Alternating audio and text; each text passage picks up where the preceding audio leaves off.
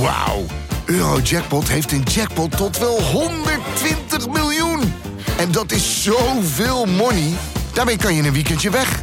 Met je vrienden. In space. Koop je lot in de winkel of op eurojackpot.nl.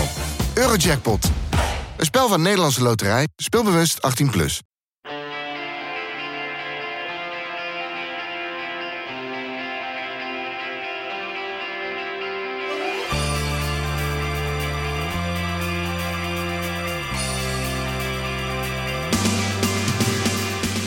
Welkom bij Poki, een podcast over kunstmatige intelligentie, waarin wij, Wietse Hagen en Alexander Klupping, je bijpraten over de ontwikkelingen in de wereld van AI.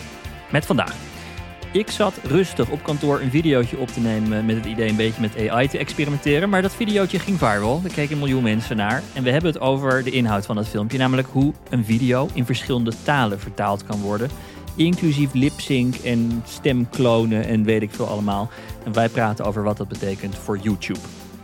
Amazon heeft een investering gedaan deze week in eh, Anthropic, de maker van Claude AI. En daarmee loopt de titanenstrijd tussen grote techbedrijven op. Daar gaan we het over hebben. We gaan het überhaupt hebben over bedrijven die AI-tools maken. Microsoft met Windows heeft vorige week aangekondigd dat er allerlei integraties komen met AI in Windows. En ook OpenAI kondigt een integratie aan, namelijk van DALI 3, de nieuwste plaatjesgenerator, met ChatGPT, waardoor je in ChatGPT plaatjes kunt maken. Daar gaan we het over hebben. En tenslotte gezichtsherkenning. Dat is een technologie die heel leuk is en gevaarlijk is tegelijkertijd. We proberen zoals altijd te voorkomen dat het een dystopisch verhaal wordt. Maar dat is weer mislukt. Veel plezier met luisteren. Wietse, je had een eh, ChatGPT momentje in je leven voor een zachte landing naar het intro, beloofde jij toen we net elkaar spraken. Wat is dat? Ja, je zit dus een, voor de luisteraars, wij spreken sowieso een uur voor natuurlijk. Anders kunnen wij nooit zo'n chaotische show neerzetten. Nee, precies. Dat, is heel geraffineerde voorbereiding vereist dat. Ja. Uh, ja, dit is gemaakte chaos. Het is allemaal nep.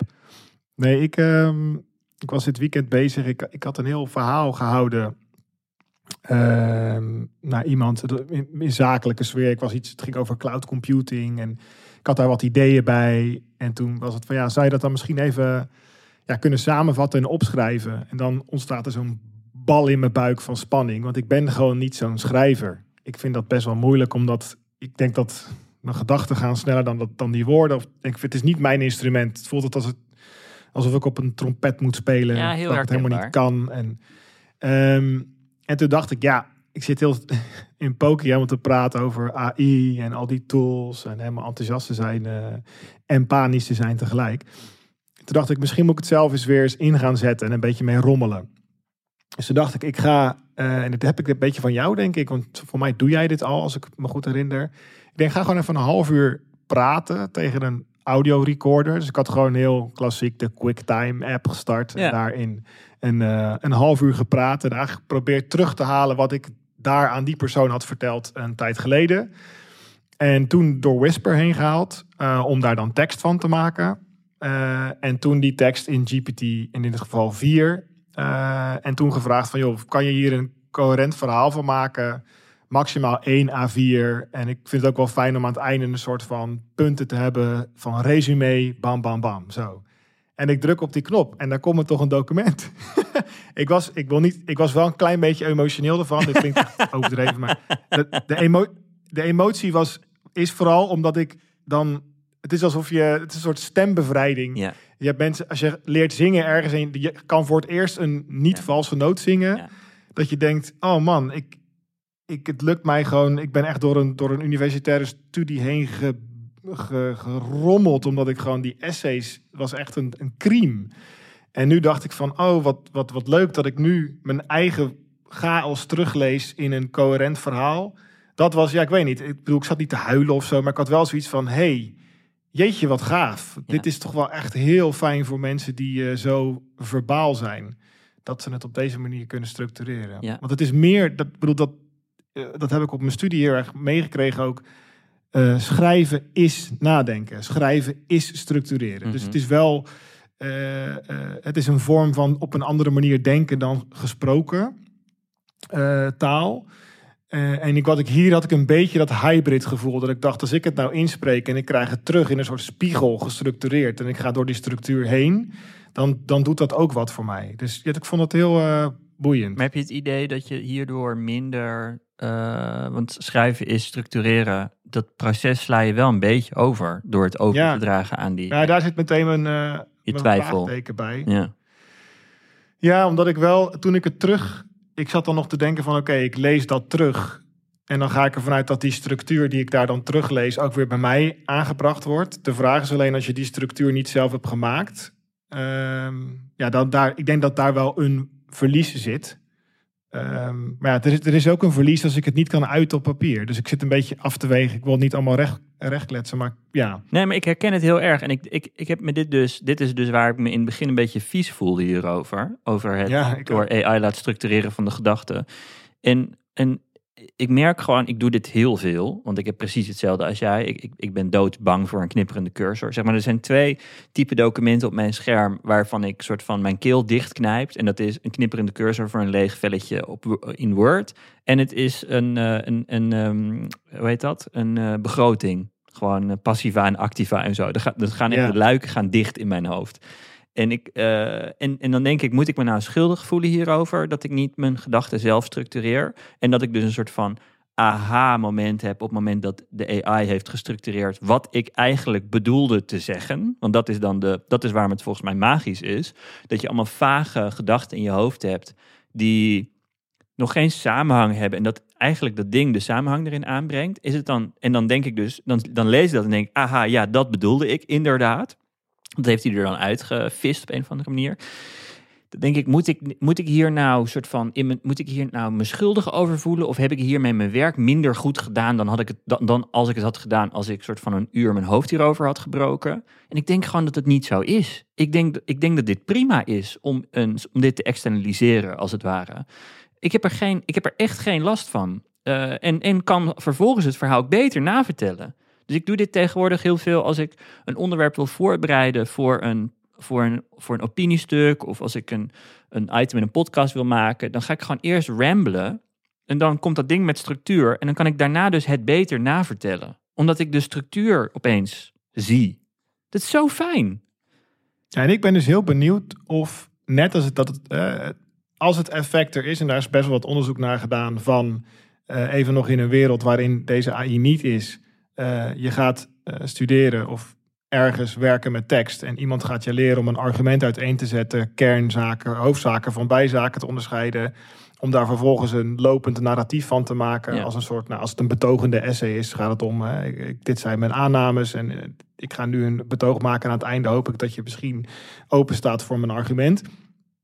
Dat daarvan weten we dat als je dat maar blijft herhalen, dat je op een gegeven moment dus je gedachten op een bepaalde manier gaat structureren. En dus ook in gesprek, nadat je heel veel essays hebt geschreven, je gesprekken worden gestructureerd. Mm. Ik heb dat bij mezelf gemerkt, want wat ik nu met jou in Poki doe, het, ik, ik, weet, ik weet het luisteraars, het is een chaos. Maar sporadisch hoop ik dat je ook merkt dat we proberen toch te zeggen van oké, als we dit nou aannemen en dat nou aannemen, een beetje een soort eh, schoolse eh, argumenten proberen te, te brengen. Dat komt omdat ik dat heb geleerd. Ik, want dat moest op de universiteit. En ehm, ik ben daar blij mee, want dat is toch een stuk geïnternaliseerd. Het zou natuurlijk zo kunnen zijn dat als jij, ik zeg even omdat jij net dat hebt verteld, eh, interacteert met ja, zo'n hybrid bent met ChatGPT of welke tool dan ook, dat ik me ook kan voorstellen dat dat misschien toch zachtjes ook een beetje geïnternaliseerd gaat raken. Dus dat je niet statisch wezen bent die niet meer kan groeien. Dus dat je zou kunnen leren in die interactie. Dat is dan een beetje de, eh, de hoop. Ik, weet ook, ik zit ook meteen te denken, moet dat dan? Daar komt dan weer een heel argument bij van... kinderen moeten zelf kunnen rekenen zonder rekenmachine. Precies. Dat voelt een beetje zo van, Ja, ja, waar, waar hebben we het nou eigenlijk echt over? Hè? Maar eh, dus dat, dat dan nog even daar gelaten... denk ik dat er sowieso, als je door essays schrijven... anders leert denken... dan ga je ook anders denken door te interacteren met AI. Dat kan niet anders. Eh, en dat is wel, het is heel boeiend hoe dan anders leren denken. En eh, ja, want Ik- negatief zou je zeggen, je wordt lui, hè? Maar positief zou je zeggen, nee, je leert. Precies. En ik, ik moet inderdaad denken aan wat je zei over vroeger op school werkstukken schrijven of eh essays schrijven op de, op de ehm, papers schrijven op de universiteit. Ehm, ik, ik denk dat niemand dat per se leuk vindt. Uh, dat is, het is ook het idee dat je, dat je een beetje door, door de pijn heen gaat om ervan te leren. Maar toch denk ik wel dat de een meer pijn ervaart hieruit dan de ander. En dat ehm, het talent om. Uh, ik, ken heel veel mensen die schrijven en die kunnen gewoon veel gemakkelijker schrijven dan ik. En dan denk ik, ja, als de conclusie is dat ik daardoor gewoon maar minder ga schrijven en meer ga ouwe hoeren, uh, in, in meetings. Ik denk dat dit is hetzelfde. Iedereen ervaart in vergaderingen, zeg maar. Als je op je werk een vergadering hebt, herken je dat sommige mensen gewoon ter plekke allerlei dingen aan het blaten zijn. En andere mensen moeten echt, als ze een nieuw idee horen, soort van weg van die vergadering, erover nadenken en dan later kunnen ze er wat zinnigs over zeggen. Dat zijn volgens mij gewoon verschillende type mensen. En het idee dat je, dat, dat je, dat je mensen opdringt dat ze, dit zelf, dat ze dit, dezezelfde karaktereigenschap moeten hebben. Of dat de een meer pijn verdient dan de ander, want dat is waar het op neerkomt. Ja, ik weet niet hoe eerlijk dat is. En ik dit is dus echt iets waarbij ik me afvraag: in hoeverre moet je mensen, nou eerlijk gezegd, zoals ik zelf, op de universiteit nou dwingen dat ze, met een, dat ze vanaf een lege cursor moeten gaan typen? Ik vraag ik zou, ik zou essays, als ik nu essays zou moeten schrijven voor de universiteit, zou dit zijn hoe ik het doe. Namelijk ramblen. mag niet, hè? Wat zeg je? Mag niet. Mag niet. Ja, oké. Nou ja, dat mag nee, het maar dat, dat, dat, is, dat is dus heftig. Ik bedoel, mag niet. Ik zeg niet, mag niet van mij niet. Ja. Maar de, de huidige reactie binnen veel instellingen is Ja. geen ChatGPT. Ja, ik vind Gewoon, het want- absurd. Ja, en dat is dus voor jongens zoals wij.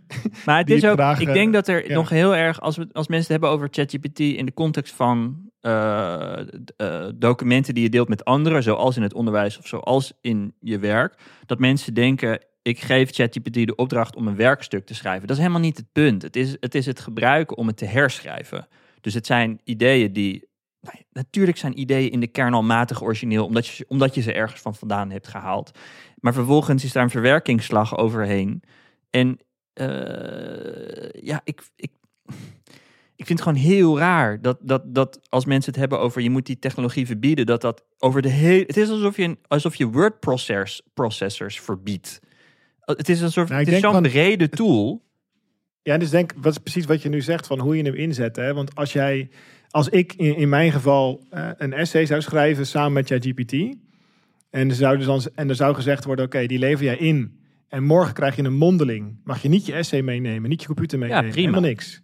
Prima, bring it. Ja, En bedoel, dan weten we het toch? Precies. Maar ik denk dus dat het vooral gaat om welke didactische tools je inzet om erachter te komen of het inderdaad gelukt is. Hè? Je, je doelen die je hebt eh, met een bepaalde eh, les of eh, module. En dat je daar gaat kijken van hoe kunnen we die dan toetsen. ja. Want, ja, want ik kan me wel, je kan natuurlijk, dat heb jij natuurlijk ook gezien.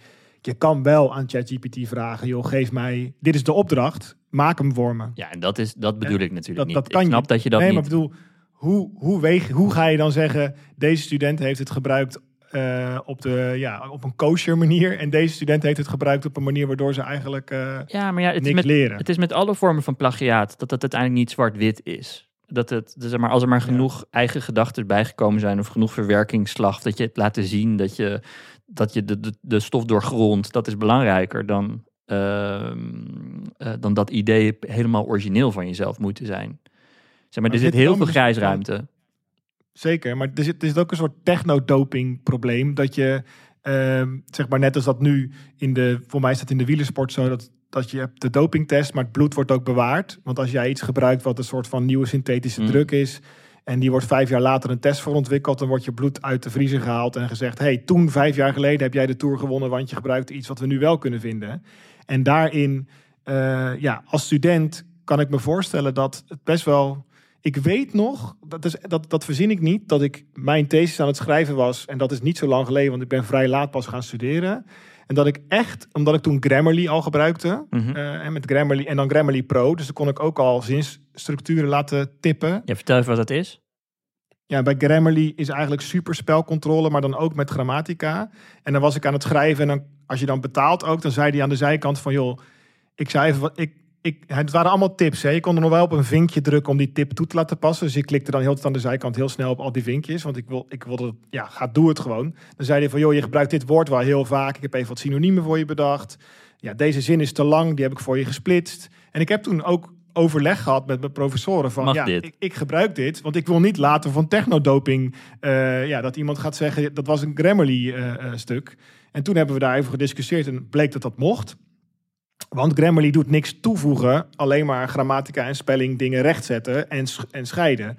Maar ik, ik dacht toen al van ja, in de volgende versie van Grammarly, en Grammarly is een mooi voorbeeld, want voor mij komt er geen volgende versie van Grammarly, want die hebben het een soort van opgegeven, omdat ze wel beseffen dat die golf die eraan komt, of er al is, veel te groot is voor kleine Grammarly.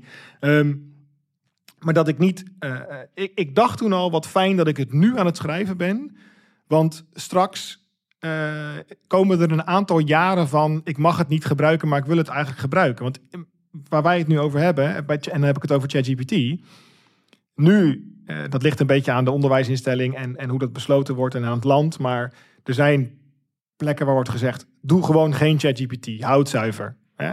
Jij maakt het, niks, niks met ChatGPT. Ja. Ja, op een typemachine graag.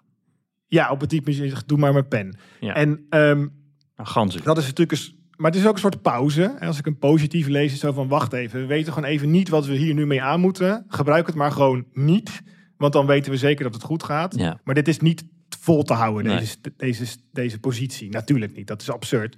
Maar dat is nu niet, het lijkt me nu niet een fijne tijd om nu te studeren. Want dan zit je in een soort van, ja, er Ja. is een superpower ergens. Ja. En ik weet dat, in, dat mijn volgende generaties dit wel mogen gebruiken. Maar omdat we niet mee om kunnen gaan, mag ik het nu niet. En, en misschien ben ik super naïef hè, en zeggen allemaal universiteiten nu, of studenten, nee joh, het mag gewoon. Of zijn allemaal, ik heb het niet gevonden.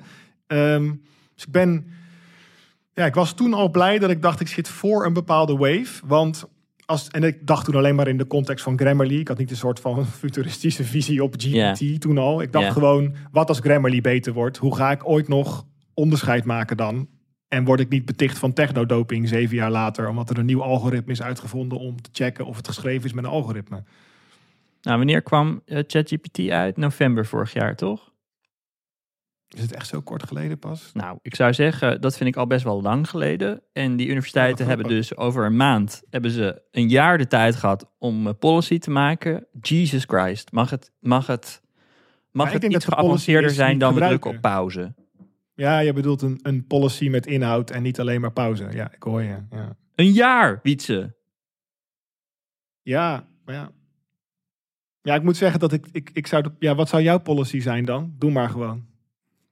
Andere me- methodieken gebruiken om het te meten hoe het met de studenten Ik gaat. wil, ik heb hier niet een jaar over nagedacht, maar die, die universiteiten Dat is ba- barsten van commissies die, eh, die, die niks anders doen Ja. dan hierover nadenken. Kom op zeg.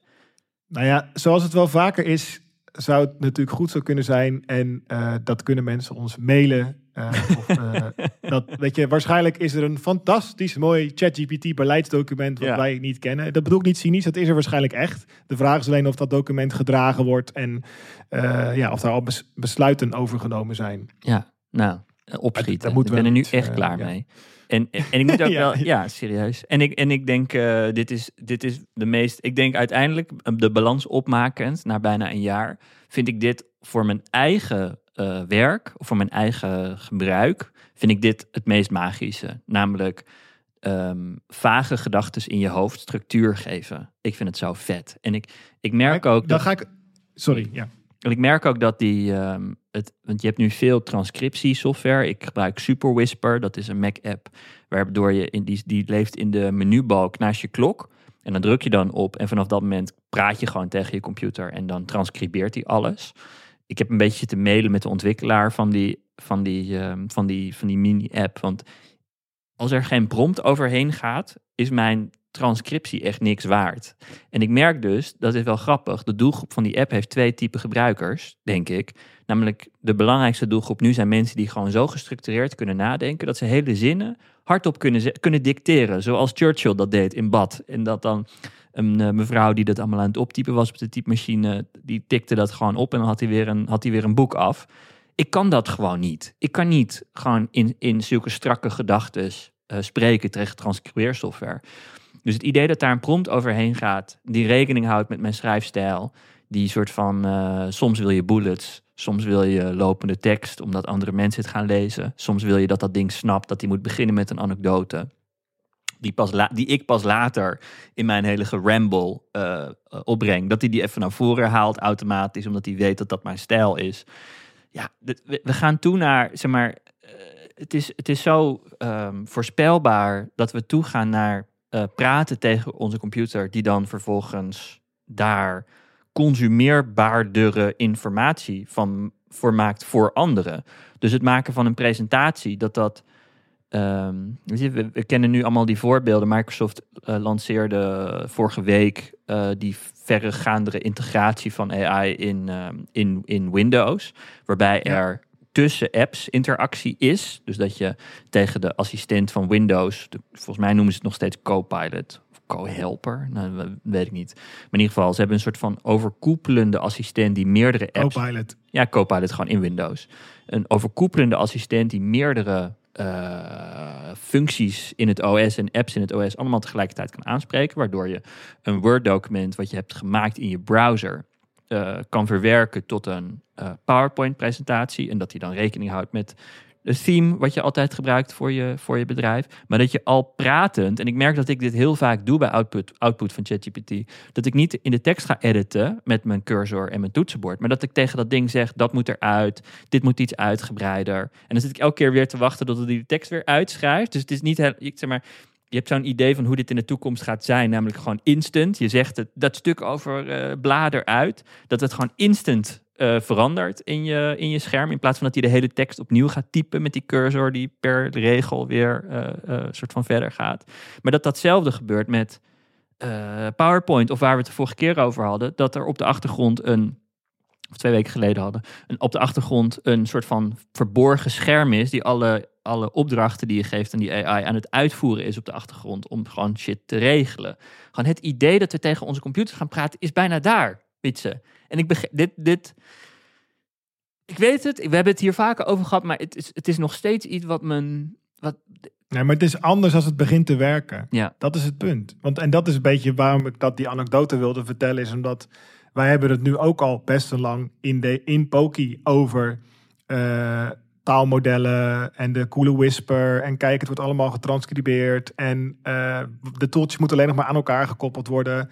Maar als je dan zelf wat dingetjes aan elkaar koppelt, zoals ik daar deed, ja. en het dan zelf gebruikt, dan is dat gewoon toch weer een andere ervaring. En dan ben ik opnieuw verbaasd, enthousiast en eh, ja, heb ik zelfs er een beetje emotie bij, omdat ik denk van, er komt me toch in één keer een goede noot uit die trompet, terwijl het me eigenlijk nooit lukte. Ik zit wel te denken als een soort advocaat van de duivel, wat nu een beetje door mijn hoofd speelt, is dat ik denk, ehm, en ik, de metafoor die ik heb zitten bedenken is, eh, in mijn eentje zonder ChatGPT, ehm, is eh, nu nog, is dat ik dacht, als jij, ik heb ooit zo'n kookboek gehad van Jamie Oliver, van een vriend van mij. Want ik zei van ja, weet je, dat koken vind ik allemaal te complex, te veel subtaken, ik moet op dingen letten, het duurt allemaal te lang. Toen zei hij van, ik heb hier één pans gerechten die je binnen 30 minuten kan klaarmaken van Jamie Oliver. En dan heb ik en de tijd klopt en in één pan, dus het is voor mij makkelijk dan, want ik vind het anders maar gewoon veel te complex. En ehm, nu is het natuurlijk, daartoe kon ik ineens een beetje koken. Maar 30 minuten en één pan is wel gelimiteerd. En dat is hetzelfde effect heb je met Twitter bijvoorbeeld. Van ja, hè, heel veel mensen kunnen nu eindelijk zich uiten via Twitter. Want hè, het zijn nu volgens mij 240 karakters. Of, eh, nou, je kan zelfs Ja, een viertje oneindig plaatsen inmiddels. volgens mij. Ja, inmiddels kan, is het gewoon een blogplatform. Maar goed, gelukkig leeft er nog een idee bij mensen dat het toch een soort short, short form is. Ehm, maar daar is het commentaar toen wel en nog steeds op van ja, dan ga je dus ook de wereld soort van samenvatten in blurbs. En dan ga je denken dat je, dat je kan praten over politiek en praten over leven, eh, waarde, AI in Ja. korte blurbs die je dan unrolt. En ik denk dat die. ehm, mijn punt is denk ik dat. Ik vraag me af, en want dit heb ik. Sommige zaken vereisen wel diepgaand onderzoek, diepgaande reflectie, groepen mensen die werken aan één ding. Ja. Eh, om samen, te- ik noem even voorbeeld, een adviesrapport van het Ratenau Instituut over kunstmatige intelligentie. Dat wordt samengesteld door een hele club mensen, die werken daar heel lang aan. Daar komt een soort boek uit en dan hebben ze alle kanten proberen te bekijken daarvan. Ehm, ik, ik, kan je dat met meerdere mensen, als die allemaal Whisper gebruiken en dan weer een meta-AI die dat samenstelt als één boekwerk maken? Ja, dus het is niet zo dat impliciet AI en taalmodellen en text-to-speech niet tot zulke grote projecten kan kunnen komen. Maar waar ik een beetje naartoe wil, is dat ik me wel afvraag of waar wij allebei denk ik sterk in zijn, is om tijdens een meeting daar dus uh, off the cuff daar meteen te kunnen handelen, real-time, op informatie daarover te kunnen praten. En dat er dan andere mensen zijn die dat gaan fermenteren. En dan zie ik soms mijn eigen woorden terug op papier van een mens. En dat ik denk, zo, dat is gaaf hoe dat iemand gelukt is om te duiden wat ik daar probeerde uit te leggen. En dan vormen we een soort samenwerking hè, tussen de uh, ja, snelle off-the-cuff denkers in het moment versus de mensen die het wat langer laten fermenteren. En dan uiteindelijk hebben we iets moois samen ik denk wat ik probeer te zeggen is dat ik me afvraag of wat wij nu een beetje ontwikkelen, niet, ik bedoel als in gebruiken, we praten tegen iets en we laten het structureren en met die structuur gaan we weer aan de gang. Wat daar de limieten van zijn. Ja, maar mijn, mijn, mijn punt is helemaal niet, we moeten, uh, we moeten het onszelf makkelijk maken dat, dat is een beetje de suggestie die zit achter, achter, achter wat je zegt. En ik denk ook dat veel mensen dit doen op het moment dat ze het hebben over hoe het bijvoorbeeld in onderwijs wordt ingezet. Dat het een uiting van gemakzuchtigheid is of van luiheid. Ik zou alleen maar zeggen, het is, het is het aanvullen van de dingen waar je gewoon zelf niet zo heel goed in bent. En iedereen heeft verschillende talenten. En in zo'n vergadering bij het Ratenau waar het over hebt, dan zijn er vast mensen die dus inderdaad jouw woorden veel beter kunnen samenvatten. Veel beter dan dan AI dat kan. En op het moment dat die naar de AI-samenvatting gaat zitten kijken, denkt hij, ja, dag, dat kan ik veel beter. Dus prima, zeg maar, zet, zet je eigen talenten in waar dat uh, het beste is. Maar in ieder geval iets meer, het, is alsof het een soort van gelijker speelveld uh, wordt. Omdat iedereen zijn eigen talenten kan, kan laten aanvullen door AI. Het is aan jou om daar niet lui in te zijn. Om te bedenken hoe je uh, ja, zoveel mogelijk um, relevante hulp kan inschakelen. Dat, dat geldt ook voor andere mensen uh, erbij betrekken. Dat is net zo goed, zo'n hulpmiddel. Dat is ook een poging om iets beter te maken door verschillende mensen bij elkaar te zetten en lang genoeg erover te praten. Toch? Ja, en ik denk ook nu ik zo hoor dat het niet zo is dat um, er per se iets, wat eigenlijk praat ik over een soort oppervlakkigheid. Hè? Oppervlakkigheid ja. van een 30 minuut één pangerecht, oppervlakkigheid van een tweet, oppervlakkigheid van ik heb een half uur tegen, uh, tegen iets gepraat en dat heeft voor mij daar een, uh, iets uitgehaald. Ik denk dat op het moment dat je bijvoorbeeld al aan welke assistent je dan ook gebruikt, uh, of welke large language model je dan ook thuis hebt draaien, zegt van joh, zullen we eens even een hele middag gaan zitten samen? En stel mij maar vragen en ik antwoord yeah. met woorden. We gaan niet typen. Yeah. Ik wil geen cursor in beeld. Dat is het enige wat ik niet wil. En ik wil pauze iedere tien minuten. Weet je al zoiets? Yeah. Dat je dan inderdaad voorbij oppervlakkigheid kan raken door het juist inzetten van zo'n tool.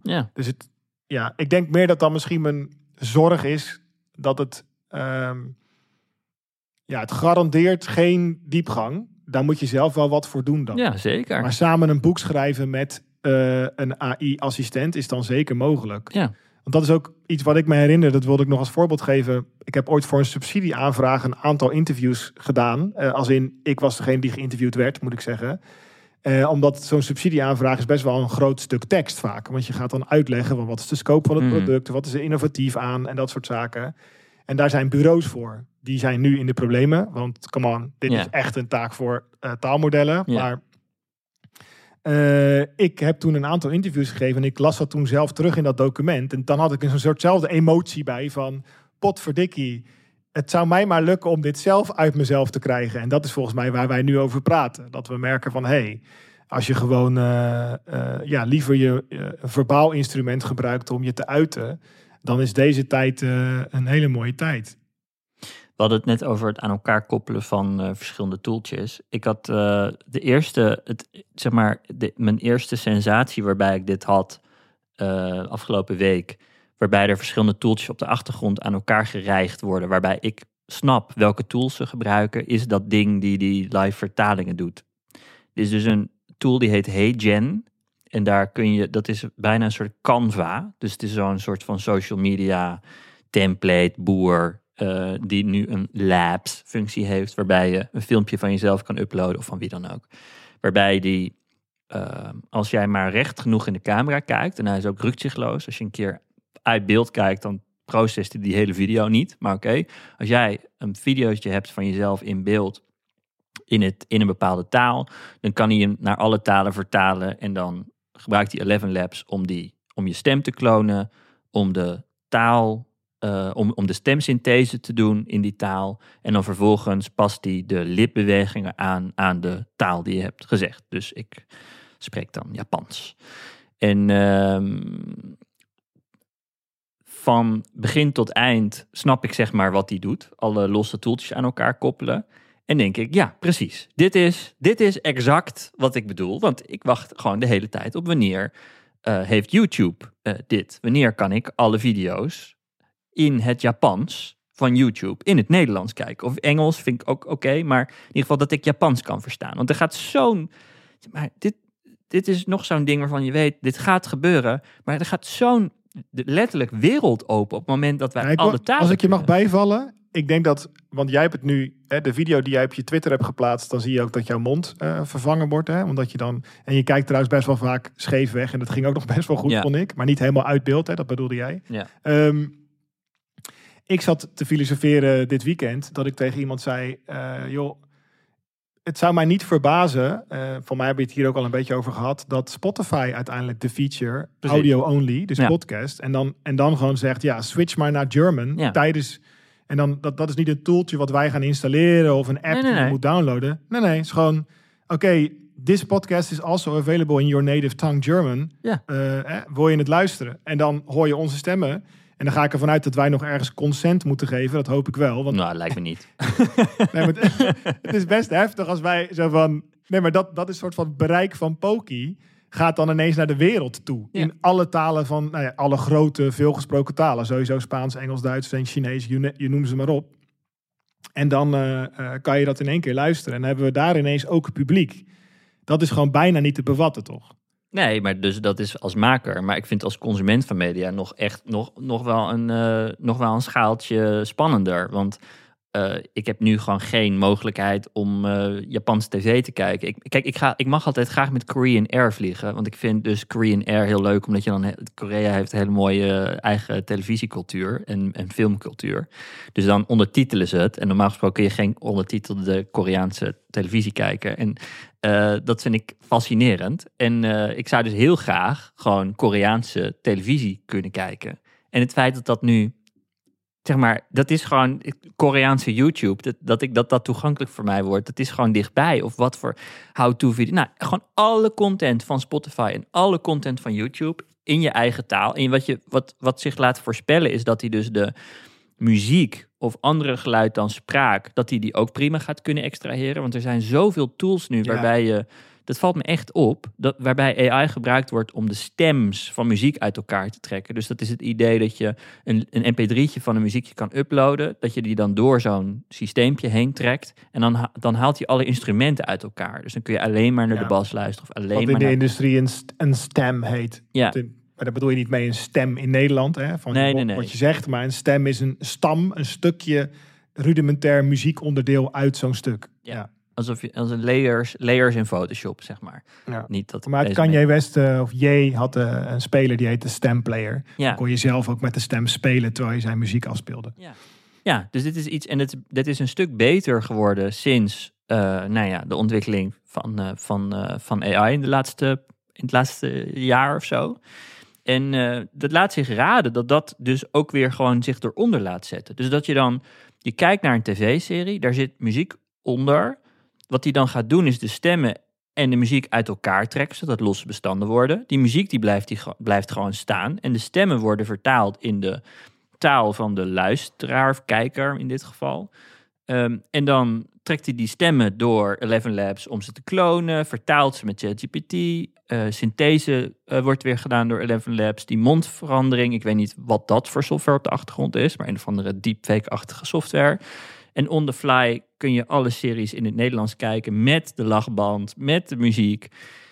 Jesus, Jesus. Je zit En- nu echt te denken dat ik de, de, de, Ameri- de serie Friends wil ik echt Ja. niet in het Nederlands kijken. Waarom niet? Maar ik bedoel, nee, dat lijkt me, dat is echt zo van, hey Joey, wil je nog een biertje? Echt zo, Kom, voor mij, dat, dat, is, dat gaat Ja, dan kapot dit of zo in mijn hoofd. Maar dit is wat Duitsers gewend zijn. Daar groeien mee weet op ik, dat en is misschien meer, ja, ja, ja, onze eigen cultuur die daarin dan... eh, Maar dat dan is ook, eh, gewoon, moet je je voorstellen dat je nu een tv-zender bent of een radiozender bent. En je hebt gewoon een frequentie of een zender op Ziggo.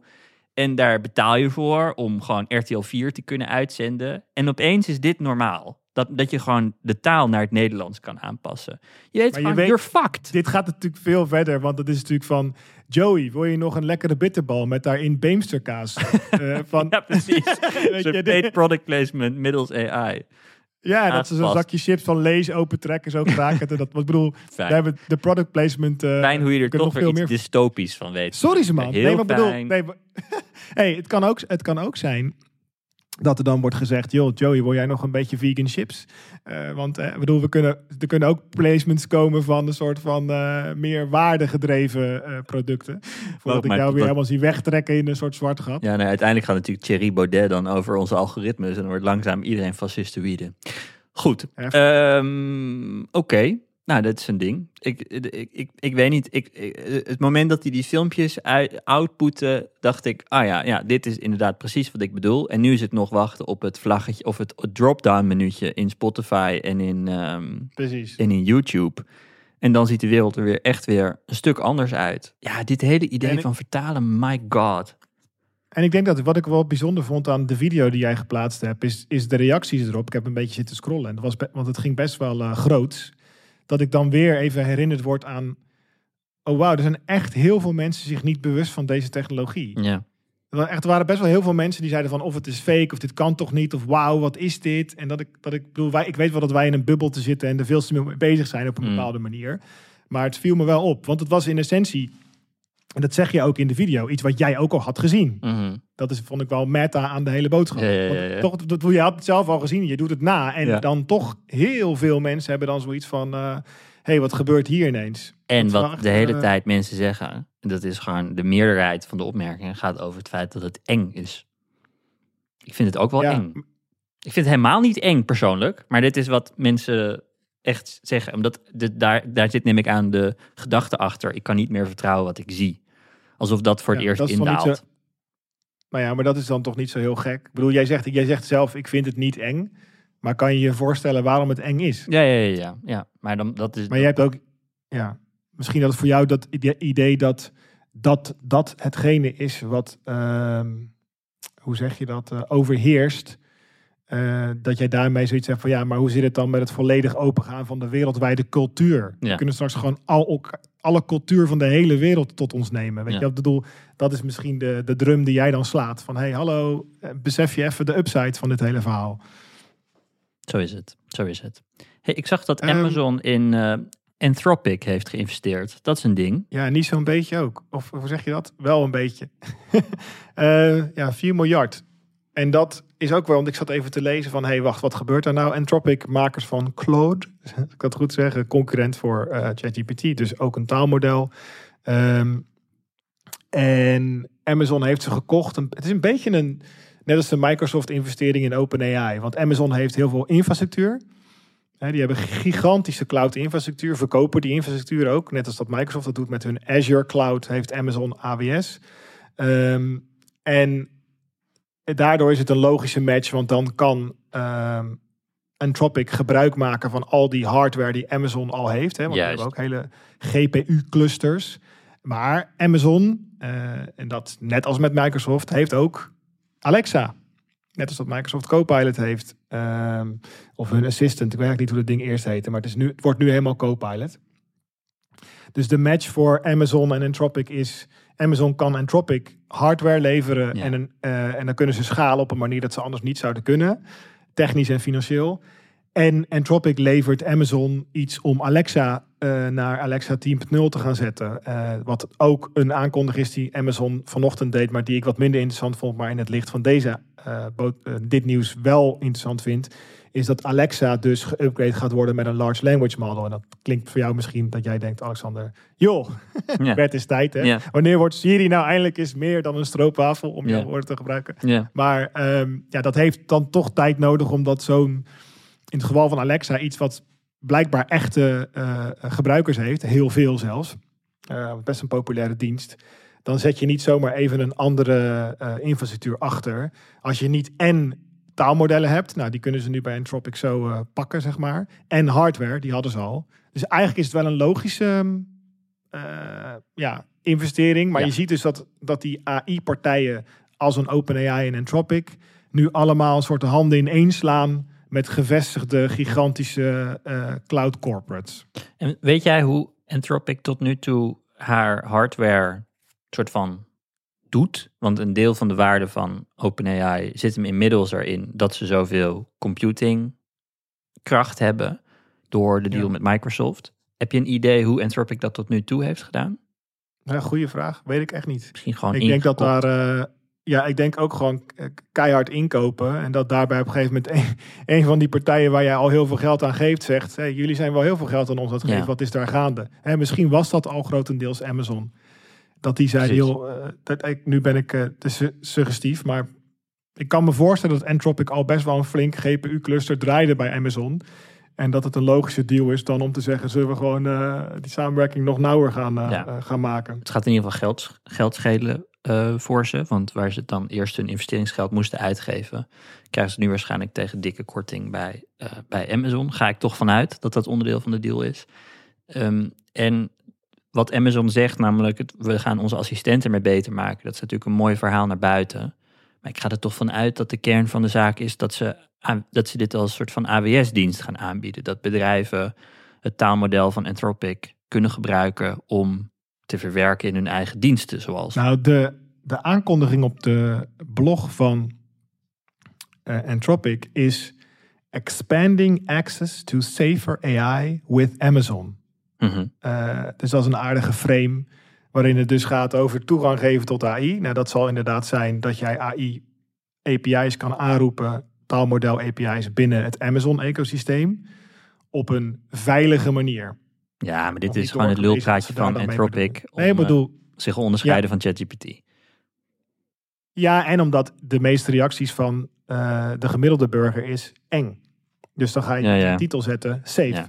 Ja. Ja. Dit is gewoon hoe de marketingmensen zich eroverheen Ja, zeker, zeker. Ja. Ik denk ehm, in dat opzicht het, eh, ook nog een interessant iets. Ik was dit weekend aan het kijken, want we hebben het wel vaak over die H100, H100 kaart gehad. Dat is een beetje de goudstaaf op dit moment in het, eh, de AI-wereld. Dat is een Nvidia voor videokaart. Sinterklaas. Ja, en hij is wel 50.000 euro. ik weet niet hoe jouw Sinterklaas een beetje gaat, maar bij mij is thuis is dat vaker chocola. Ik krijg wel de W als chocoladeletter. Dat is de zwaarste chocoladeletter. Helemaal niet waar. Alle chocolades zijn. Maar je wil eigenlijk een M of een W. Hè? Als kind wil je grote letters. Ze wegen allemaal hetzelfde, kinderen die luisteren. Maar ehm, die eh, kaart, die H, H100, en dan heb je een 80 gigabyte versie. Dus dan heb je 80 gigabyte VRAM. Nou, dan kan je echt wel grote modellen inladen, want daar komt het gewoon op neer. Die kaarten die gaan nu, eh, daar hebben we het al over gehad, die worden uit loodsen opgekocht. Er zijn hele handeltjes in en er worden eh, groepen samengesteld van bedrijven die zeggen het lukt ons niet alleen, laten we dan samen een hele hoop gaan kopen. En toen dacht ik dit weekend, wat is het eigenlijk, hoe ziet het ding er eigenlijk uit? Wa- Wat is dit eigenlijk? Ja, ja. Ik dacht, ik ga gewoon eens op YouTube zoeken naar mensen die dan die kaart uitpakken en dan die kaart openmaken. Ja. En dan, gaan ka- en dan, hè, dan halen ze dat, eh, die heatsink, hè, dat is dat eh, zo'n eh, koperen of aluminium stuk, waardoor er... Oh, die halen ze er Warmte Ja, want het ziet eruit als het is, een, het is een videokaart. Het ziet eruit zo groot als een toetsenbord, zou ik zeggen. En dan, Ja, heb je, en dan zit er een hele grote zilveren, ja, gewoon een soort plak op. Ziet er echt een beetje uit als een, als een soort van goudstaaf. Als in, het is een soort van heel anoniem ding. Ja. Dus, Snap je? Ja, de En je meeste ziet geen chips. gaming... Nee, en de meeste gaming videokaarten die zien er dan heel stoer uit met kleuren en zo. Maar dit moet natuurlijk allemaal 15.000 euro corporate eruit zien. Ja. Eh, want even voor... Zo heel groot is het verschil niet tussen een kaart van 1500 en 15.000 qua wat er aan hardware op zit. Wat extra RAM en, een, en de, e- eerlijk, het is echt een beetje een enorme upmark. Hoe zeg je dat? Er wordt heel veel geld opgelegd, want het is een AI-kaart. Ehm, ik, maar de, ik dacht dus van, wat, wat, ik, ik had zoiets van, net als dat ik het waardeer om in een datacenter te lopen, soms om een soort van geaard te raken in die rare cloud-wereld. Want dan, hoor dan zie je zo, en een USB-poort, denk je, oh ja, het zijn gewoon computers in kasten. Dat ik denk, ga, ga eens even iemand kijken die zo'n kaart uit elkaar haalt. En dat was wel fascinerend, want dan denk je van, ja, nee, ja, uiteindelijk is het toch wel gewoon een chic, een chic uitziende videokaart. Ehm, maar ja, het is verder ook niet zo heel bijzonder. Ik bedoel, het is wel bijzonder, net nou, even bijzonder als iedere videokaart, eigenlijk. Ik zag Vond deze week zag ik een soort van een bedrijf wat eh, hele chique kastjes maakt voor deze videokaarten. Dus dan heb je, het, was, het zag er echt een beetje uit alsof Brown, Dieter Brown, een eh, videokaartenkast heeft gemaakt, ook op wieltjes. Het lijkt nog het meeste tussen een mix van de Mac Pro Dus met dat, een mooie kast met van die, van die grote gaten erin. En een, eh, en een rieten mandje. Heel mooi. Ja. Voor je video. Heel de mooi, ultieme maar- flex, denk ik, in San Francisco. Eh, wa- wat, wat kostte dat ding? Of wat kost het dat kastje. ding? Oh, dat weet ik niet. Ja. Dat weet ik niet. Maar ik neem aan, niet het- duurder dan de videokaart zelf. Ik was dus hetzelfde aan het zoeken. En wat dus blijkt, en die is alweer gecanceld, echt bizar, is dus dat er een Nvidia H100 Home DGX is. Dat is dus een soort super, twee jaar geleden al, een super futuristisch goud-koperkleurige kast voor thuis. Perfect met zo'n H100 erin. En er Oh. zat ook bij voor home AI use. Dat ik echt dacht, zo, je zat er wel heel ver before the curve Ja. twee jaar geleden. Want, en nu, nu is dat ding als productlijn, want ik heb lopen zoeken op de site van Nvidia, alleen maar te krijgen rack-mounted. Dus toch maar weer Ja. voor, in je, als u een rack heeft thuis, schuif hem erin. Nou, de meeste mensen hebben geen rack thuis. Ja, maar bij Nvidia moeten ze echt zo lachen dat ze gewoon een product hebben gemaakt een paar jaar geleden wat niemand wilde hebben.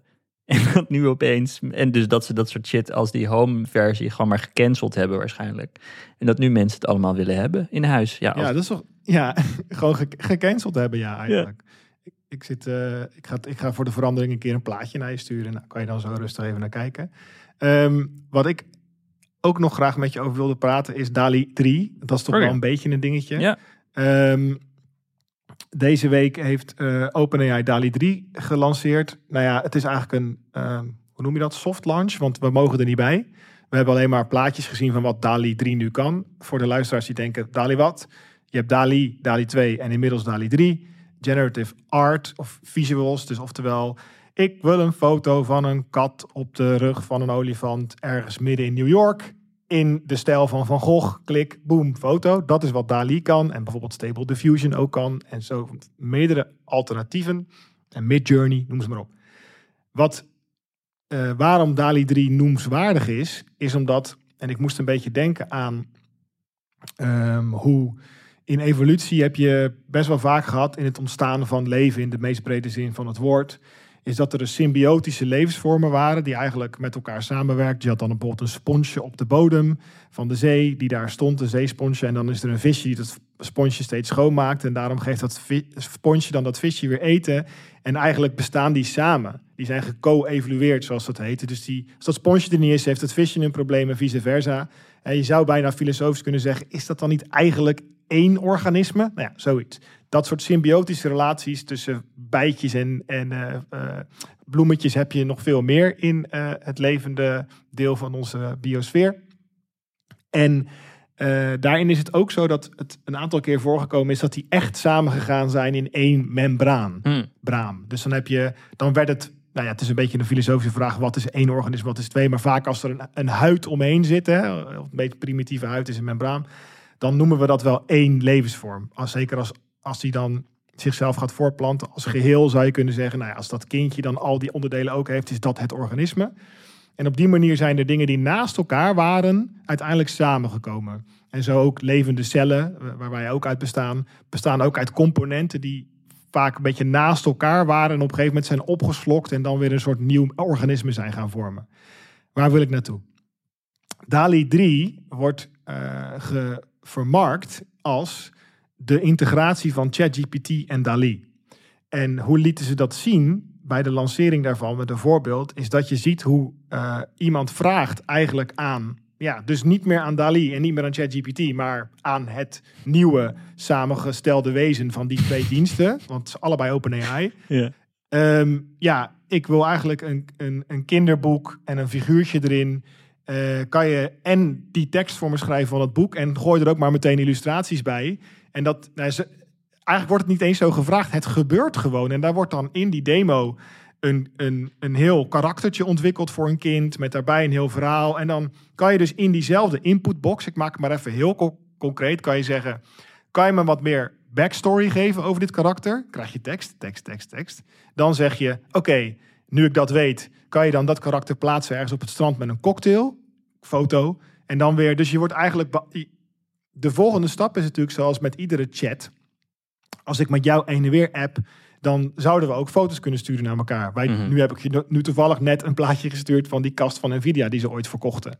Eh, de interactie die je gaat hebben met ChatGPT, de ChatGPT DALI Hybrid, die nu eigenlijk gepresenteerd is, wordt dus een visuele en textuele eh, ervaring. En die tekst en die visuele componenten, die weten van elkaar. Dat is één wereld. Ja, ja, ja. En, en dat, dat, het voelt voor mij als een soort van, hoe, ja, alsof twee superheroes eh, samen komen tot één superhero. Het is best wel heftig, ook op een bepaalde manier. Maar wat verwacht je ervan dan? Want ik snap deze, dit, ik snap die demo-versie wel. Namelijk, eh, we, we gaan al chattend een kinderboekje samenstellen. Maar wat, wat is dat voor, zeg maar, wat voor, waarom, waarom vind je dit zo, zo boeiend? Dat deze, dus maar hoe Nou, zie je dit ik- voor je, dat dit ik- gaat werken? Nou, precies, omdat ik dan al zeg dat het een corporate blog is, hè, maak het even saai. Kan je me een blogbericht schrijven? Eh, ik wil daar drie illustraties in Ja, het verhaal versterken. En ik wil een audioversie van dat blog bovenaan hebben. Ja. Boeien, weet je, maken we ook even. Ehm, ja, en ik wil een kleine 20 seconden video voor op eh, Snapchat. Ik wil, je ziet hem al toch? Alle deliverables, alle assets worden dan gewoon gemaakt. En al die stukjes weten van elkaar. Ja. Want het is één grote hy- hybrid superorganisme geworden. Ja. En wij hebben hier al een beetje naar lopen, ja, foreshadowing, zoals we dat mooi noemen, een beetje lopen wijzen van wat als het allemaal aan elkaar verbonden wordt. Je hebt een meta-agent die weer alle mini-agents aanstuurt. Ja, OpenAI is dit nu gewoon en ook nog lekker verpakt met een mooie interface gewoon aan het uitrollen.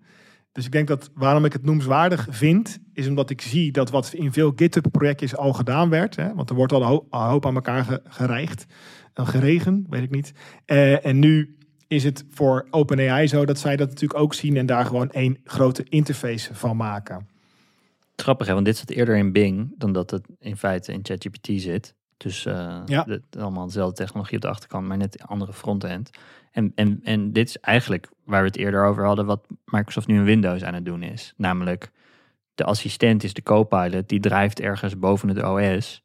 En daar praat je mee om zowel tekst als plaatjes te maken.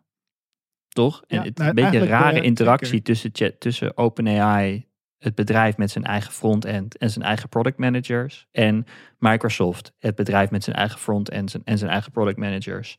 Die allemaal dat op hun eigen manier integreren in ja, ja, waar ze dan ook aan werken. Dus het, is echt, het blijft echt een vreemde samenwerking ook tussen die twee Nou bedrijven. ja, nu, nu zit jij een beetje ook op die, ehm, of misschien bedoel je dat niet, maar het is ook een beetje een knullige samenwerking Ja. of zo. Want ik bedoel, ja, maar dat, dat is ook wel een beetje die, ja, precies. Want waar we het eerder over hadden, hè, met die, dat engineers allemaal zitten te, eh, te schreeuwen tegen de podcast van, dit is niet de manier waarop je een Uber-app moet gaan eh, Mhm. eh, koppelen aan AI, want je Mhm. moet niet gaan screenreaden en boe In die demo van Microsoft Copilot, ze hebben dus een Copilot in Windows gebouwd, logische stap. Maar dat is dus aan de zijkant in je soort widget bar kan je dan praten ermee, ook met audio eh, of- met tekst. En dan hoe ze in die demo video laten zien, je hebt dan een e-mail window openstaan, in dit geval Outlook en allemaal Microsoft software, maar het maakt dus niet uit. En dan zeg je, can you summarize this, this email for me? Ja. En dan zie je dus visueel hoe die die tekst OCR't, gewoon van ja. Ja, ja, ja, ja, ja. ja. En dan- Oh. Ja, OCR gaat dus die tekst daaruit OCR'en. Ja. En dan, en dan die samenvatting, Ja. die zegt hij van, oh, ik heb hem zo samengevat. Dan zeg je, oké, kan je dan nu een reply sturen op basis van die samenvatting? En dan gaat hij gewoon op die knoppen drukken. Precies wat Ja, wij hebben besproken. Natuurlijk. Ja. Want Ja. ja. het is gewoon een brute force fake human die er overheen geplakt is. Het is zo onelegant allemaal. Ja, maar het zit, het zit dus in Windows, of in, in ieder geval, dit is, het is gelanceerd. Ik weet niet of je het al kan installeren, maar Copilot is nu een, eh, ja, een soort all-seeing eh, ja, meta-human die meedraait in je operating system. Wat ik nog steeds zie als de plek waar de grootste stappen gemaakt gaan Ja, worden, ja, is op zeker. operating system level. Waar wij het de vorige keer al eh, een beetje over hebben gehad.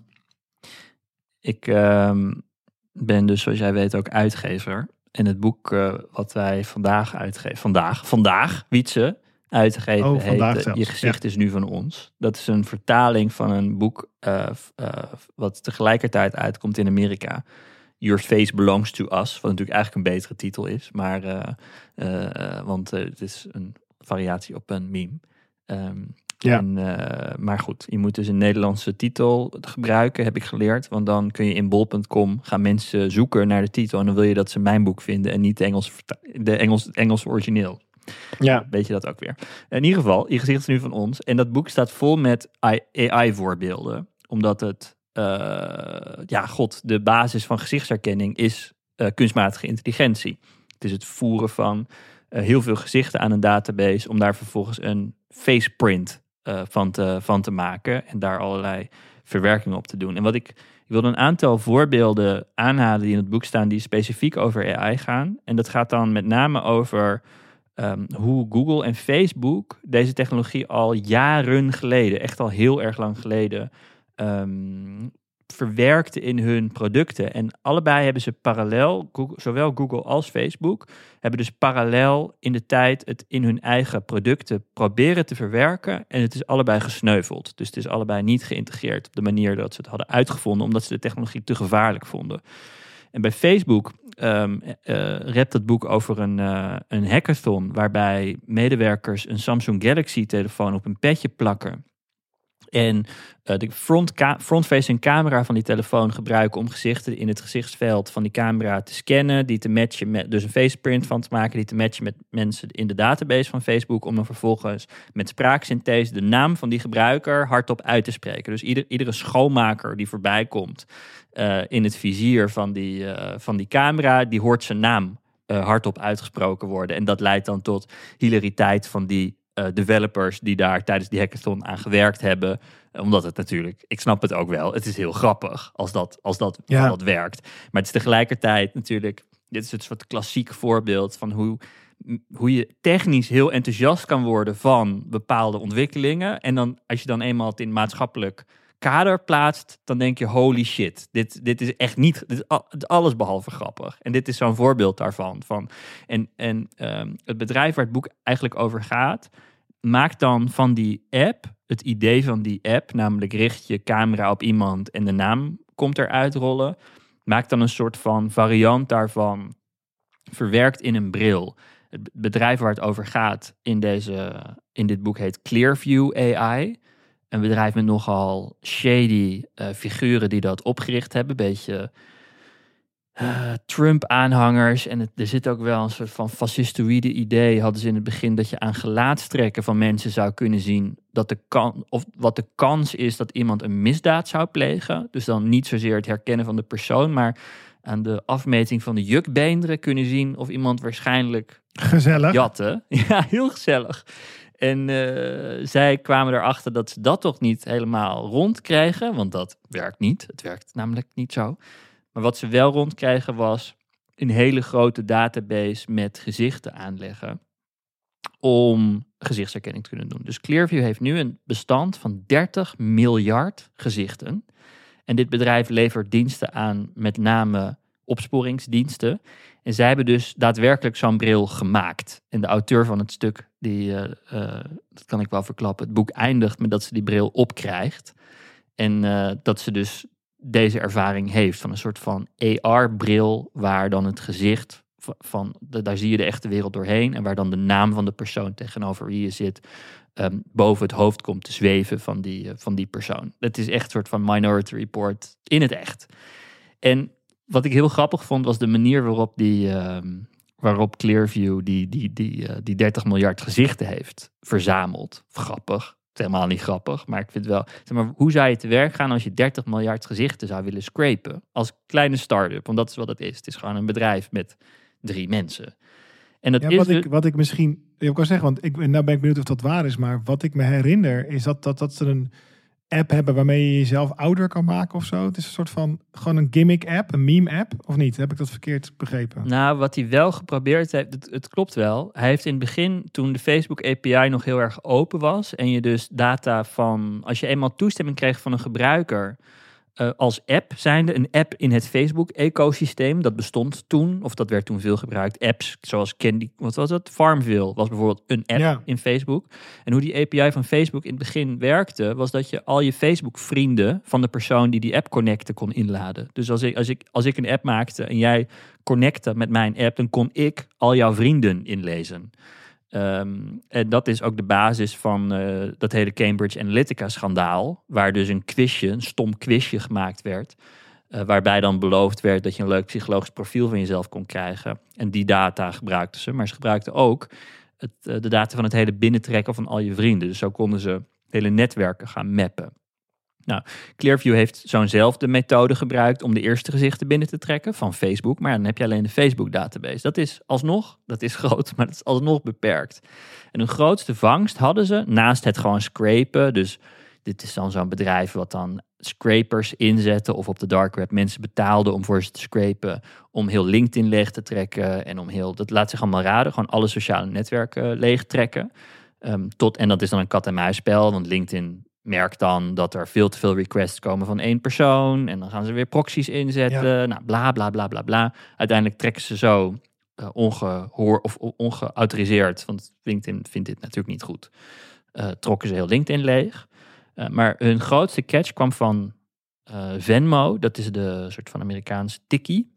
Dit gebruiken alle Amerikanen als ze geld willen overmaken aan het eind van een avondje uit eten gaan en je wil de rekening splitten, dan gebruiken ze daar Venmo voor.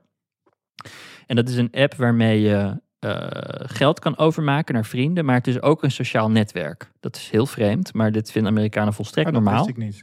Ja, dus als je, er zit een soort van uh, timeline tab in die app. Het is alsof er een timeline app uh, functie in je ING app zit of in je Rabobank app. Waarbij je dus kunt zien alle transacties die jouw vrienden hebben gedaan. Dus als vrienden zeg maar een avond uit zijn geweest waar jij niet bij was voor de record. En zij splitten een rekening, dan kan je dat zien in die app. Nou, dat is al heel raar, maar oké, dat vinden ze dan normaal. En wat, uh, waar uh, Clearview achter kwam, was dat ze dat Venmo op de homepage hadden ze een soort van uh, demo-telefoon. En dan in die demo-telefoon draaide een iframe van een, uh, van, een, van een lijst met transacties. Maar het punt was, dat was niet zomaar een soort van fake data, dat was echte data. Ze, ze hadden dus op de homepage van Venmo een permanente, continu op, updatende feed van iedereen die elkaar geld aan het overmaken was in dat land. En er stonden keurige, keurige avatars bij. En dit hebben ze gewoon per seconde zitten scrapen, totdat Venmo het eindelijk dichtgooide na een hele lange tijd. En toen hadden ze dus een gigantische uh, database van gezichten van met name Amerikanen. Um, die ze weer aan die database toevoegden. En uh, zo is dat bedrijf gegroeid in, uh, in, in een gezichtendatabase hebben. Facebook had natuurlijk zijn eigen reden om een gezichtendatabase te hebben. Want mensen uploaden foto's op Facebook, gewoon van vrienden. En trainden het algoritme ehm, ook nog stevig, omdat toen mensen dat nog deden, foto's uploaden naar Facebook, uh, suggereerde Facebook daar de naam van vrienden bij in zo'n hokje. Ja, een beetje getagd. Ja, ja je werd getagd door het algoritme en dan kon jij dat ja. bevestigen of afwijzen. Zoals je dat ook wel kent van je huidige fotoalbum app waarschijnlijk, waar ook zo'n functie in zit.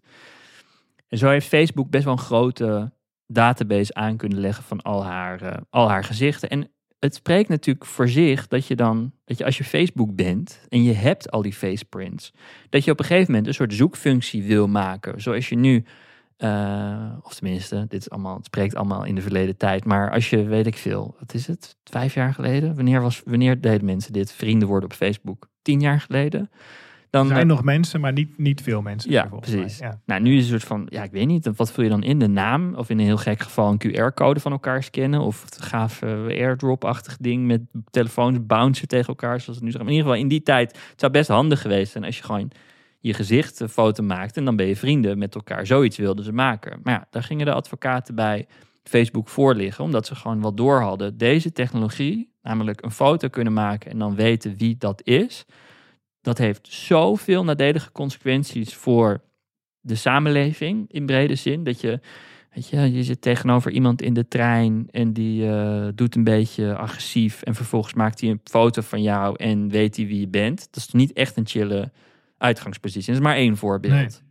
Er zijn heel veel voorbeelden te bedenken. Dus Facebook drukte op de knop en dacht, we doen dit niet. En bij Google is er zoiets zelfs. Namelijk, er was een engineer die was aan het werken aan de Google uh, app, gewoon de Google app zelf op iPhone en, oh, iPhone en Android. En in de Google-app zit Google Lens geïntegreerd. Met Google Lens kun je dingen fotograferen die dat ding proogt te herkennen. Zoals uh, als jij een broek leuk vindt, kun je een foto maken van die broek en dan zie je de online versie dat je hem gelijk kan bestellen. Als je een plant ziet die je wil identificeren, kun je een foto maken van die plant en dan identificeert die plant. Of een gebouw, identificeert die het gebouw. Dus zoeken aan de hand van foto's. Dat is, nou, dat vinden we inmiddels normaal dat dat kan. Maar er was natuurlijk een engineer die dacht, hey, foto's, gezichten. Dat zou ook grappig zijn. Dat je op een gezicht kan googlen. Als je het zo zegt, dan denk je, nou, misschien niet eens een hele gekke functionaliteit. Als je, als je gewend bent bij Google dat je alles kan vinden wat je zoekt. Dus wat hij constateerde is, Google had een fotodatabase die heette uh, Picasa. Dat is de voorloper van Google Foto's. En Zeker, dat is even geleden. Ja, dit is een blast from the past. Dit is de tijd van Flickr en uh, nou ja, fotodiensten voordat wij op onze telefoons onze Ehm, foto's gingen bijhouden, deden wij dit op desktop. En Google had volgens mij als een van de eerste een uh, soort van webversie uh, van, van, van wat nu Google Foto's is gaan heten. Daar zat dus ook gezichtsherkenning in, zodat je albums kon maken, fotoalbums kon maken met dezelfde gezichten. Dus Picasa had puur doordat mensen hun foto's gingen backuppen naar deze service ook toegang tot Ehm, gezichten met namen erbij. Want mensen voerden zelf, mensen, gewoon mensen, consumenten trainden dat algoritme actief om namen bij gezichten te zetten. Dus ook Google had zo'n database met heel veel gezichten. En daar gebeurde hetzelfde, namelijk een engineer bouwt het in de app. Uh, dat, dat gaat dan de ranks door naar boven. En op een gegeven moment komt bij de juridische afdeling, waar ze dan goddank zeggen: hell no. Dus dit, ja, want daar ben ik nu benieuwd naar. Is het een juridisch argument of een moreel argument? Waren dat mensen bij Facebook en Google die zeiden: dit moeten we niet willen, want dit moet je gewoon op een, vanuit een moreel gezien niet doen? Of is het heel cynisch een juridische afdeling die zegt: yo, in deze, dit wespennest willen we helemaal niet in. Want we worden aangeklaagd. En uh, dus het is, het is meer die tweede dan. Het boek stelt het tweede, absoluut. Het boek is, boek is beide kanten, of wel meer richting het jongens, let op. Ik zou wel zeggen dat het, dat het boek uh, wel echt veel kritischer is. En het is voornamelijk omdat het een bedrijf volgt wat probeert in de schaduw te opereren. En uh, eigenlijk aan de hand van dit kleine bedrijfje, wat dus uh, door allerlei opsporingsdiensten wordt gebruikt, vertelt ze het verhaal van gezichtsherkenning, daarmee ook van AI. En een beetje ook de geschiedenis van de, van de ontwikkeling van AI. Want dat is best best interessant. Het, zij zegt dus, er zijn hele kleine groepjes mensen die AI-software maakten, uh, zeg maar uh, vijf of tien jaar geleden. Dat zijn mensen die allemaal een academische achtergrond hebben, waardoor uh, zij allemaal de hele tijd in het achterhoofd hebben dat ze willen publiceren. En dit verklaart ook een beetje de stilstand die er heel lang bij Google is geweest. Dit groepje mensen met machine learning specialisten, waren heel academisch ingesteld mensen die dus geen features shipten, maar gewoon academisch onderzoek, in feite academisch onderzoek aan het, aan het doen waren bij een groot commercieel bedrijf. En dat groot commercieel bedrijf voelde zich ook niet echt gedwongen om allerlei features uit te rollen, omdat er niemand in de markt was die hen daartoe dwong. Nou, toen kwam OpenAI, ging opeens alles in de openheid, dacht ze, holy shit, fuck, nu moeten we niet meer academisch werk alleen maar doen, maar uh, ook daadwerkelijk features gaan shippen waar mensen wat aan hebben. Uh, in Google Docs uh, bijvoorbeeld. Maar zij beschrijft dus hoe in die tijd voor ChatGPT AI-mensen bij dit soort bedrijven, die uiteindelijk al die ontwikkelingen gemaakt hebben waar wij de hele tijd over praten, dat dat allemaal academici waren die dus elkaar ook kenden, in grote openbaarheid werkten en uh, dus alle geheimen die ze eigenlijk, of nou niet geheimen, maar alle de, de cutting edge technologie allemaal gelijk open sourced. Dat eisten ze ook. Als je bij Facebook en Google, uh, als, als Facebook en Google dit soort medewerkers probeerden te, te, te, te krijgen binnen hun bedrijven, dan eisten die medewerkers dat ze dus open source konden releasen. Waardoor dit Clearview, wat gewoon drie man en een paardenkop was en echt niet technisch zo super geavanceerd was, dat zij dus gewoon konden grasduinen uit allerlei papers van Facebook en Google medewerkers met name, om dus die technologie te maken. En ja, eigenlijk om er een wapen van te maken. Eigenlijk. En er een wapen van te maken, ja precies. Ja, ja, en uh, ik vind heel veel ja, ik vind een fascinerende uh, een soort van samenloop van omstandigheden. Dat dus inderdaad dit wapen, want je kan het inderdaad nogal een dystopische samenleving schetsen als gezichtsherkenning een- technologie wordt die iedereen de hele tijd kan gebruiken. Dat dat uiteindelijk wel echt terug te herleiden is naar ja, wetenschappers die, die soort van eh rukzichtloze vooruitgang proberen te bereiken in de openbaarheid. Omdat het nou eenmaal de manier is waarop de wetenschap werkt. Toch grappig. Ja, zeker. Ja, en ik denk uiteindelijk dan om, hè, concreet wat je net zei, je zit in de trein en je tilt je telefoon op en je krijgt de naam van de persoon tegenover je. Dit kan je, dit kan je denk ik alleen juridisch inkaderen en, en zeggen dat het gewoon niet mag. Ja, Zit ik te denken. Ik bedoel, want technisch krijg je dat, dat eh, die geest niet terug in de fles op een gegeven moment. Eh, Je, het zit wel af te vragen wie heeft de toegang tot die database. Dat heb je ook niet zomaar thuis, zeg maar. Maar mhm. Ehm, ja, het is wel interessant hoor, want in dat opzicht, wat als het een website is waarop je dat kan doen? Nee, dus niet een app, dus je kan niet in de stores dingen gaan tegenhouden. Dan moet je het op het web gaan blokken. Nee, maar dit bestaat grote- natuurlijk gewoon, Witse. Dit bestaat. En dat is een hele gore business. Want dat is dan een business die mensen in staat stelt om foto's te vinden. Ehm, waarvan mensen niet de bedoeling hebben dat dat eh, aan hun naam wordt gekoppeld. Dus het boek staat vol met allemaal weirde voorbeelden. Eén voorbeeld was een dude die een soort van fetish heeft om eh, van pornosterren op te zoeken wat hun echte naam is. En dan hun Facebook profiel te vinden en dan hun echte leven te zien, zeg maar.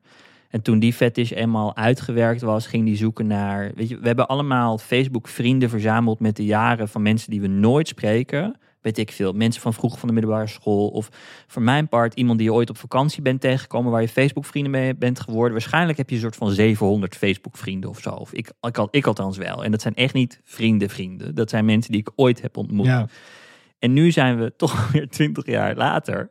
Dus daar zit stiekem heel veel tijd over. Maar dat zijn wel mensen met wie we een hele losse band ooit hebben gehad.